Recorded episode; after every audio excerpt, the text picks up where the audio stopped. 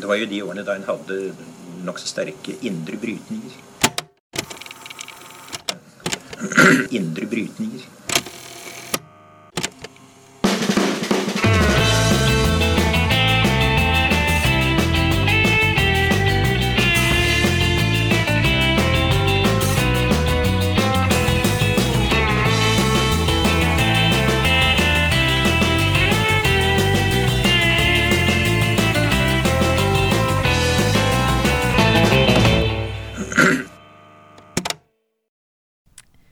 Hei og velkommen til Noen har snakket sammen. Mitt navn er Tiril Rustan Halvorsen. Og jeg heter Aksel Fjellavli. I dag skal vi snakke om et uh, nytt notat som uh, Tankesmien Agenda lanserte forrige uke, kompetansereform.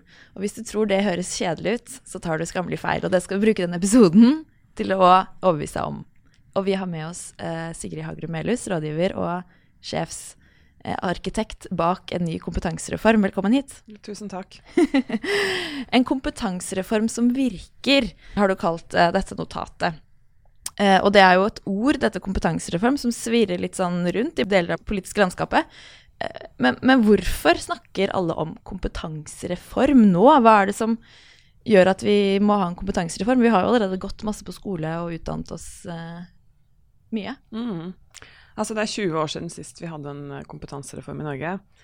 Og den gangen så hadde man også en erkjennelse av at vi i mye større grad må lære gjennom hele arbeidslivet. Fordi hvis vi skal jobbe i 40-50 år, så holder det ikke at vi liksom går på skole først, og så at det vi da har lært på skolen den gangen, på en måte er tilstrekkelig for å stå gjennom hele, hele yrkeskarrieren. Arbeidslivet endrer seg rett og slett for fort til det.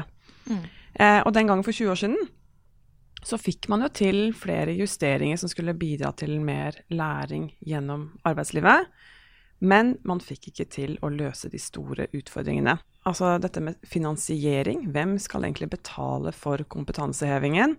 Utover den som da anses som direkte nødvendig for jobben. Det er det arbeidsgiver eh, som må betale etter eh, hovedavtalen av arbeidsmiljøloven. Men utover det som på en måte er sånn direkte nødvendig for å løse akkurat den jobben du har i dag, så har man ikke noe eh, god finansiering for, eh, for, den kompetansehevingen.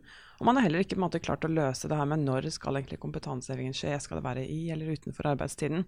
Og hvis man da skal gjøre det i arbeidstiden, så er det jo veldig Da må man på en måte arbeidsgiver frikjøpe arbeidstakerne, og det er veldig store kostnader og mye, mye vanskelige problemstillinger. Og det klarte man som sagt ikke den gangen å, å finne en løsning på. Og eh, behovet for læring er jo ikke blitt noe mindre eh, de siste 20 årene. Det er tvert imot blitt større. En ting er at liksom, teknologi gjør at eh, det er et større behov for kompetanseheving i dag sammenlignet med før, men også er det også uh, Vi er i, i, en klima- og miljøkrise. Uh, som også gjør at måten vi produserer på i økonomien vår, må forandres veldig fundamentalt framover.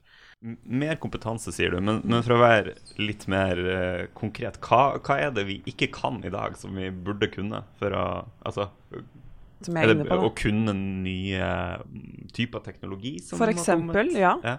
Eh, veldig sånn konkret da, I varehandelen som vi har jobba med, så er det jo på en måte bruk av nye teknologiske løsninger. De har jo mer måte, selvbetjente kasser. der ja, nye digitale systemer for varetelling. Det er eh, større på en måte, hva skal jeg si, overlapp mellom fysiske butikker og nettbutikk. Så de som jobber i det som før liksom var helt vanlige fysiske butikker, driver også på en måte med, med logistikk og altså med sånn klikk og hent, hent i butikk. Altså alle sånne ting. Det blir på en måte en større integrasjon da, mellom liksom ulike måter å drive handelen på, som gjør at arbeidstakerne må lære seg mer teknologi fortere. Og vi har sett også litt på logistikkbransjen, noen lagre der har det jo skjedd noe helt vanvittig. Altså de, det er jo blitt helautomatisert. Det er jo så utrolig avansert teknologi. Mm. Nå har vi allerede snakket en del om varehandelen, men ofte når man snakker om kompetansereform, så er det i sammenhengen med omstilling da, fra grå og svart økonomi til en grønn økonomi. Og da tenker man gjerne på de som jobber i olje. Mm. Eh, men dette notatet handler om varehandelen. Hvorfor er, det, hvorfor er det så viktig å snakke om varehandelen? Hvorfor har du ikke skrevet en kompetansereform om olje, f.eks.? Ja, altså, da kan man jo bare si først at det er en kompetansereform eh, i Norge, den må gjelde for alle bransjer. Og den må gjelde som på en måte en, en Altså, det er ille at vi ikke er kommet lenger i å på en måte ha en storstilt Hva skal man si En, en strategi, en, en, måte, en mer helhetlig politikk for omstilling av norsk økonomi. Vi kunne skrevet om olje. Det var nå en gang varehandelen vi skrev om eh, her nå. Det er jo da sammen med handel og kontor vi har utformet eh, dette forslaget, men det er vi i Agenda som måte, har laget det. Og varehandelen er en bransje som virkelig trenger en storstilt eh, satsing. Fordi allerede i dag så kan vi jo nesten ukentlig lese i avisa om, eh, bransjer, nei, om kjeder som har gått konkurs, eller som sliter skikkelig med lønnsomheten. Om vekst i nettbutikk, netthandel osv., gjerne utenlandsk netthandel. Mens mange andre bransjer i Norge snakker liksom om konsekvenser av digitalisering som noe som skal skje der framme i framtiden, så står varehandelen virkelig midt i det nå. Og varehandeleksperter sier jo at vi bare har sett begynnelsen på det som kommer til å skje av omstilling. Og Handel og Kontor selv har jo estimert at um, rundt 30 000 arbeidsplasser vil forsvinne. For det jobber jo veldig mange i varehandelen. Ja, vil forsvinne i varehandelen. 30 000 innen ti år. Og det jobber Altså, varehandelen er Norges største eh, kommersielle næring. Sysselsetter 375 000 mennesker. Utrolig mange. Mm. Eh, og vi vet jo at mange av de som jobber i varehandelen, har eh, lav formell kompetanse. Mye realkompetanse, men lav formell kompetanse. Eh, mange har gjennomført eh, kanskje bare grunnskole som høyest fullført utdanning. Mange har lav lønn. En god del jobber deltid. Dette er arbeidstakere som eh, vanligvis um, Hva skal jeg si Altså det vi vet fra tidligere når vi har hatt kompetansesatsing i Norge, er at det funker best for de med høy utdanning og høy inntekt. Og ikke de med lav utdanning og lav inntekt, selv om de kanskje trenger det aller mest. Hvis man da lager en kompetansereform for varehandelen som klarer å uh, måtte gi kompetanseløft til denne gruppen av de som jobber der, uh, da har man virkelig klart å løse noe av de største problemene med kompetansepolitikk i Norge. Og erfaringene fra varehandelen vil ha stor overføringsverdi til andre bransjer. Mm. Og det her burde virkelig vært et, et, eh, stort tema. så Det er nesten ingen som snakker om varehandelen i dag. Regjeringen snakker vel Altså, jeg har egentlig ikke hørt at de har snakket om varehandelen i det hele tatt. Og som sagt, veldig stor kommersiell eh, bransje. 375 000 ansatte. Altså endringer som skjer i den bransjen, som påvirker behov for Arbeidskraft, behov for kompetanse, det rammer ikke bare de som jobber der, men kan ha stor betydning for hele norsk økonomi. Så det er virkelig noe vi alle burde snakke mer om. Mm. Men er dette så enkelt som mer penger, kanskje? Altså, jeg bare tenker at uh, behov for mer kompetanse, jo, men det løser man vel med å sørge for at det er mer midler til at folk kan, kan ha kanskje fri fra jobb, eller at det opprettes uh, fagskoleplasser, eller hva er, er det liksom uh, noen, noen, strukturer som er feil, eller er det bare for lite penger? Det er ikke bare for lite penger. Det er for lite penger, men det er ikke bare det. Det er jo på en måte en helhetlig eh, Hva skal jeg si Mange mekanismer som på ulikt vis bidrar til at kompetanse Altså læringen i arbeidslivet, f.eks. innenfor varehandel, at den er for lav. Det handler både om liksom Altså, man kan si det handler om tilbud og etterspørsel. Altså til, eh, tilbud av utdanning og opplæring er ikke godt nok tilpasset arbeidslivets behov. Man har liksom ikke eh, f.eks. Eh, fleksible fagskolekurs som kan tas i små moduler mm. ved siden av jobb. Eh, man har ikke Og vi vet jo det også mer sånn generelt, at universitetene og høyskolene i for liten grad måtte, er gode nok til å tilpasse eller tilby arbeidslivsretta Altså det matcher ikke hverandre, det er arbeidslivsretta, ja. det som finnes i så det er en utfordring. Og så vet vi på en måte at det er, det er måte få som kan ta. Og særlig, særlig de med på en måte normal, og, normal til lav inntekt og formue har jo ikke muligheten til å slutte å jobbe for å ta utdanning på fulltid. Så det må gjøres ved siden av jobben. Og mange arbeidsgivere vegrer seg jo også kanskje for å finansiere utdanning hvis de er redd for at den utdanningen skal bidra til at arbeidstakerne bytter jobb, eller kanskje bytter bransje. Mm. Ja, for her eh. snakker vi egentlig om kompetanse innenfor den arbeidsoppgaven man allerede har, men også at noen, disse 30 000, mister jobben og kanskje må mm. få kompetanse til å jobbe et helt annet sted. Ja, og hvis noen i varehandelen skal begynne å jobbe innenfor helse og omsorg, f.eks., det er jo ikke rimelig at en, måte, en arbeidsgiver skal finansiere det. Så det er veldig mye mange ulike mekanismer som bidrar til det i sum, da. At uh, den kompetansehevingen som ville vært bra for samfunnet, ikke er på en måte lønnsom og eh, god nok da på bedriftsøkonomisk, fra et bedriftsøkonomisk ståsted eller fra mm. et individuelt ståsted. Da. Men dette på en måte at insentivene ikke er til stede, prøver denne modellen å gjøre noe med. Mm. Hva er på en måte hovedgrepene i modellen som Agenda foreslår? Altså, vi har jo da forsøkt å lage eh, rammene for en kompetansereform for varehandelen. Um, og det vi sier da, altså eh, For det første, altså en kompetansereform for framtida er nødt til å sikre rettferdig fordeling av læring, sånn at den bidrar til at de som trenger det mest, får det mest. Og så må den bidra til at tilbud og etterspørsel etter utdanning og opplæring må møtes i større grad. Det betyr at vi må ha mer sånn relevante eh, læringsopplegg som er i tråd med arbeidslivets reelle behov. Og så må vi få til det her med å, å løse problemet med finansiering, som vi ikke har klart før. da. Hvem Mm. som skal betale for utdanning og opplæring, og når kompetanseheving skal skje. Eh, og eh, vi har laget en modell som på en måte skal imøtekomme alle disse eh, utfordringene her. Og så svarer den også litt på den pågående diskusjonen, for regjeringen har jo som sagt satt i gang et storstilt arbeid på kompetansereform.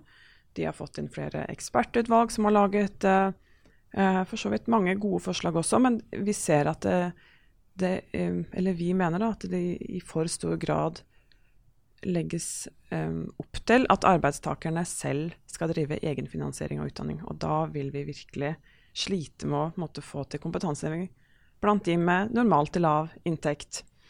Eh, så det går ikke. Og så mener vi også at utgangspunktet for en kompetansereform som virkelig skal virke, den må bygge på det organiserte arbeidslivet og trepartssamarbeidet. De måte samfunnsinstitusjonene som vi vet fram til i dag har gjort at norsk økonomi er blant verdens mest omstillingsdyktige.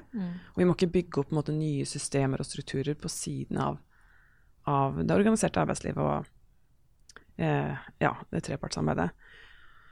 Og så har vi da laget på en, måte, en modell for en finansiering. Og da sier vi det kan f.eks. skje eh, med utgangspunkt i tariffoppgjørene, slik tilfellet er for LOs forbund for ledelse og teknikk, altså LO-forbundet ledelse og teknikk, og eh, de avtalene de har med sine arbeidsgivermotparter. Og det har de hatt siden begynnelsen av 90-tallet, at de setter av midler gjennom tariffoppgjøret som går, går til kompetanseheving. Eh, og i dag så settes det av 1 krone og 20 øre per ansatt per time til en felles stipendordning. Eh, og i sum så blir det ca. 25 millioner kroner per år. Og så har da Forbundet for ledelse og teknikk de har opprettet et eget utdanningsselskap som heter Adisko. Og Adisko fungerer da som et sånn mellomledd mellom tilbud og etterspørsel i markedet. da. Altså de kjøper skreddersydd og fleksibel utdanning til FLTS, altså Forbundet for og ledelsesteknikk, FLT, til deres medlemmer fra allerede etablerte utdanningsinstitusjoner.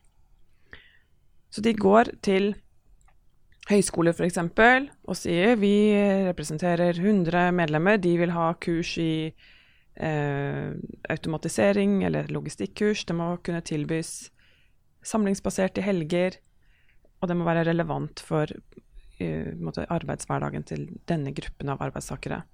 Og når man kommer sånn på vegne av mange, så, så kaster utdanningsinstitusjonene seg rundt, da har det vist seg. Mm. Og lager skreddersydde opplegg. Og de lager også opplegg for arbeidstakere som, som kanskje vanligvis ikke ville gått på universitetet, som har fagbrev, eh, som eh, ja, ikke har generell studiekompetanse eller noe, men som gjennomfører jo veldig, veldig godt denne type utdanninger. Da. Men det kunne også vært eh, på fagskoler, det kommer jeg tilbake til. Men det er nå engang sånn eh, FLT har gjort det så langt. Og det her innebærer altså at, at eh, medlemmene får arbeidslivsrelevant utdanning helt gratis. Alt dekkes, reise, opphold, pensum, kursavgift, men de må ta utdanningen på fritiden, f.eks. i helger, samlingsbasert. da. Mm. Eh, så det er mye å på en måte ta med seg fra prinsippene fra denne modellen, men den kan ikke kopieres sånn helt enkelt, på en måte. Den må tilpasses til varehandelen og varehandelens særlige utfordringer. Og så må vi få med staten. For i dag så er det da en finansiering som skjer gjennom tariffoppgjøret til FLT og, og eh, arbeidsgivermotpartene, som sagt. Men vi trenger da eh, statlig finansiering for varehandelen, bl.a. fordi mange lavtlønte kan ikke si fra seg lønnsvekst, og fordi mange arbeidsgivere i varehandelen i dag sliter med lønnsomhet pga. den store omstillingen som bransjen står i. Så da sier vi Agenda vi anbefaler følgende. Partene kan sette av midler til kompetanseheving i tariffoppgjørene. Og hvor stort det beløpet skal være, det må de bestemme selv, og hvordan fordelingen skjer. Det må de også bestemme selv. Og så matcher staten dette. F.eks. Hvis, altså hvis partene hadde blitt enige om, om 30 øre, så matcher starten det. Og for arbeidstakere med lønn under medianinntekt, sier vi, så må statens bidrag være høyere enn for arbeidstakere med høyere lønn. Så vi sier for arbeidstakere med lønn under median, så sier vi staten matcher 200 Så hvis de hadde satt av 30 øre i oppgjøret f.eks., så hadde staten matcha med 60 øre per time per ansatt. Mens med, for arbeidstakere med lønn over medianinntekt, så mener vi at staten kan eh, matche f.eks. 50% Og da har man på en måte finansieringen på plass først, og så i neste fase da, så kan partene opprette et felles organ som etterspør utdanning og opplæring i, blant etablerte utdanningsinstitusjoner, og som da kan bistå arbeidstakerne med den praktiske gjennomføringen. Med, eh, sånn at det blir veldig smidig, at du på en måte senker terskelen for folk som kanskje det er lenge siden de har gått på skole, eh, og på en måte det er lenge siden de har tatt utdanning. Du virkelig senker terskelen for å på en måte delta i noen form for utdanning og opplæring.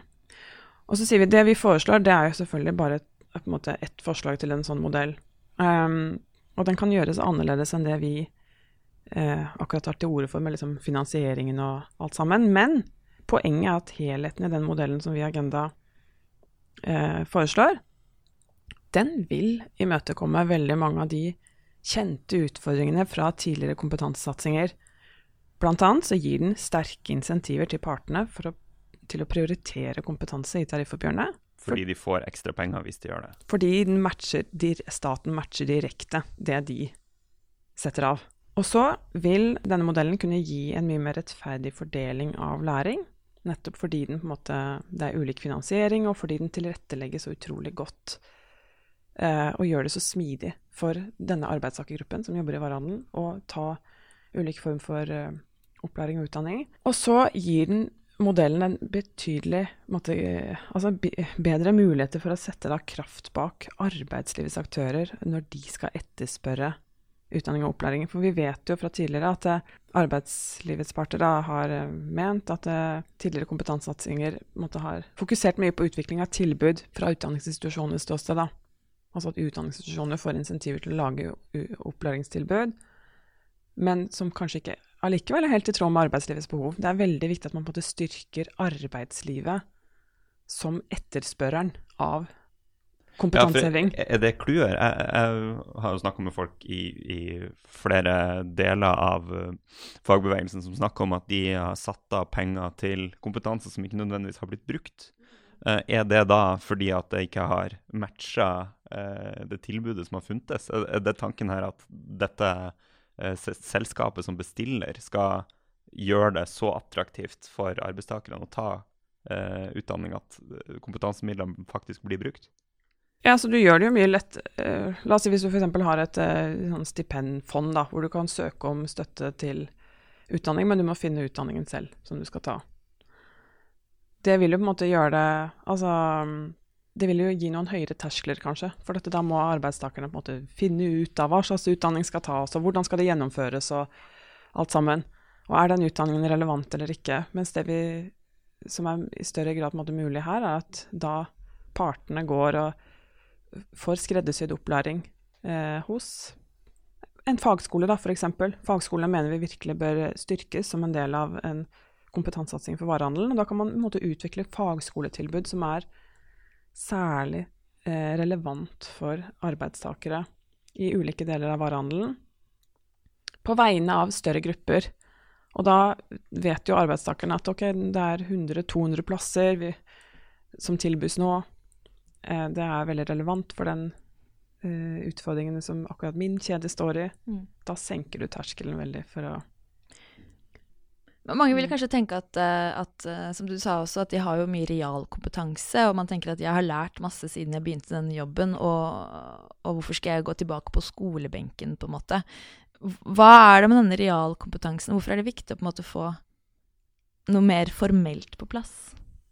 I tillegg til realkompetanse. Altså, vi vet jo også da fra tidligere Jeg må bare si først. Realkompetansen i varehandelen er formidabel. Og det er eh, Hva skal jeg si Altså partene i, innenfor varehandelen har jo vært veldig opptatt av at, at vi må kunne dokumentere og verdsette realkompetanse bedre. Og det tror jeg er veldig, veldig viktig. En veldig viktig del av en kompetansereform for varehandelen. Hva betyr det å dokumentere realkompetanse? Nei, at man liksom hvis F.eks. så har Virke og Handel og Kontor lenge jobbet med et prosjekt som heter Balansekunst, hvor de på en måte skal klare å formidle hva er det egentlig man kan når man har jobbet som butikkmedarbeider i ti år, f.eks., eller butikksjef. Hva slags måte, mer sånn generell og overførbar kompetanse er det man har av en sånn type jobb? Så at man i større grad måte kan eh, ja, systematisere og formidle den kompetansen til også andre deler av arbeidsmarkedet. Mm. Og det kan både være for liksom, større mobilitet i arbeidsmarkedet, men også for, for, å kunne søke utdanning. Da. Vi har realkompetansevurdering til utdanning i dag, altså at du kan få eh, opptak til f.eks. høyere utdanning, selv om du ikke har generell studiekompetanse, men at du har dokumentert realkompetanse. Men det systemet er også veldig måte, fragmentert og praktiseres ikke enhetlig. Var jo det som kom fram i en av disse ekspertutvalgene som har blitt um, gjort i forbindelse med regjeringens kompetansereform. Mm. Så, så, det trengs bedre systemer for uh, det. Men det er også behov for mer måte, formell utdanning. og Det er jo derfor vi også sier i den reformen som vi, eller den ordningen da, som vi tar til orde for, at vi mener at den finansieringen som da partene og staten eh, setter av gjennom dette systemet, at eh, det bør, vi på en måte bør prioritere formell utdanning. Både fordi vi ikke har lyst til å betale Vi vil ikke at denne ordningen skal drive og betale eh, opplæring som arbeidsgiverne allerede i dag har ansvar for. Og f.eks. innenfor varehandelen så er det jo ganske vanlig med kjedeskoler. Kiwi-skolen og Claes Olsen Academy. Og det er arbeidsgivers ansvar etter da hovedavtalen og arbeidsmiljøloven. Mm. Og det er jo ikke meningen at eh, staten skal være med å finansiere det. Eh, så vi sier at det, den eh, kompetansesatsingen som vi tar til orde for, må komme i tillegg til alt det som allerede skjer. Eh, og må på en måte kunne bidra til å virkelig styrke både handelen og på en måte arbeidstakernes eh, posisjon, da, på et vis. Og da vet vi at eh, fra tidligere evalueringer at eh, det å måtte ha dokumentert bevis på at du har gjennomført et kurs ved en eller annen eh, institusjon som måtte har et eh, Altså som er kjent, da. Hvis du går på en offentlig fagskole, så vet jo mange hva det er. Og det gir jo Eh, bedre uttelling for en arbeidstaker enn å ha gjennomført et kurs hos en ja, kursaktør som ingen vet hvem er. Vi vet jo at det er 8000 private tilbydere av ikke-formell opplæring i Norge i dag. Det er veldig mange, og det er veldig, veldig mye bra opplæring som skjer, men det er eh, Men det er ikke alltid så lett å vite på en måte kvaliteten mm. ved det, eller kjennskapen til det, mer på en måte.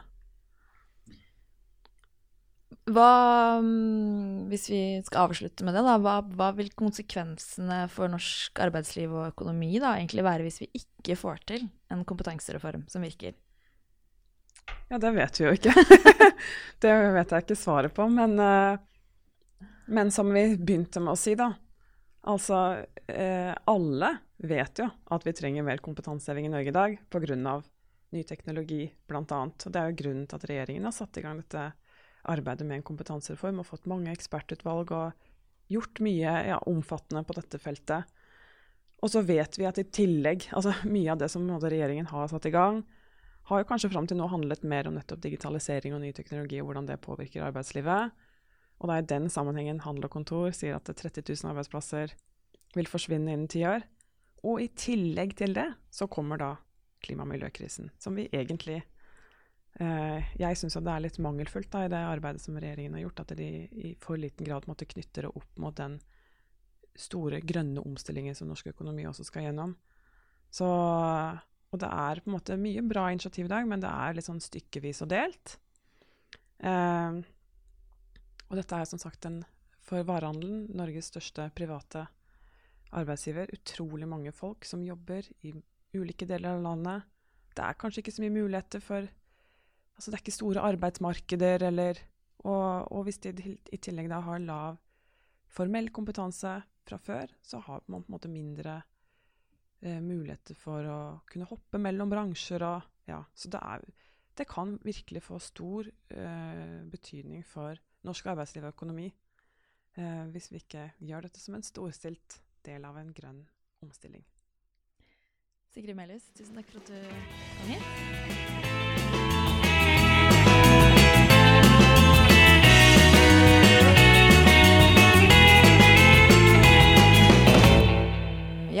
Da skal vi anbefale noe.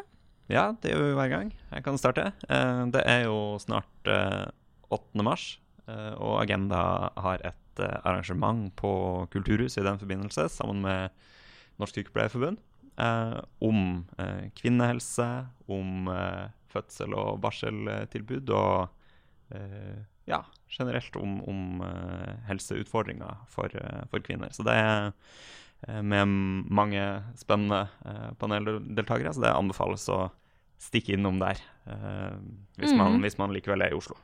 Mm, absolutt. Um, jeg har begynt å lese boka til Dag Hessen, 'Verden på vippepunktet'.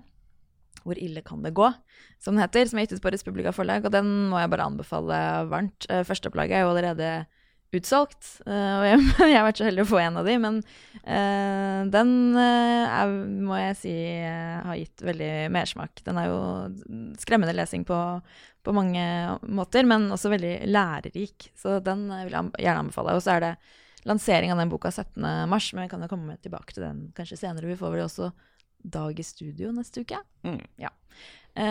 Men får du tak i en, et eksemplar, så begynn å lese. Mm. Yes. Um, da snakkes vi neste uke. Yes, ha det godt. Ha det.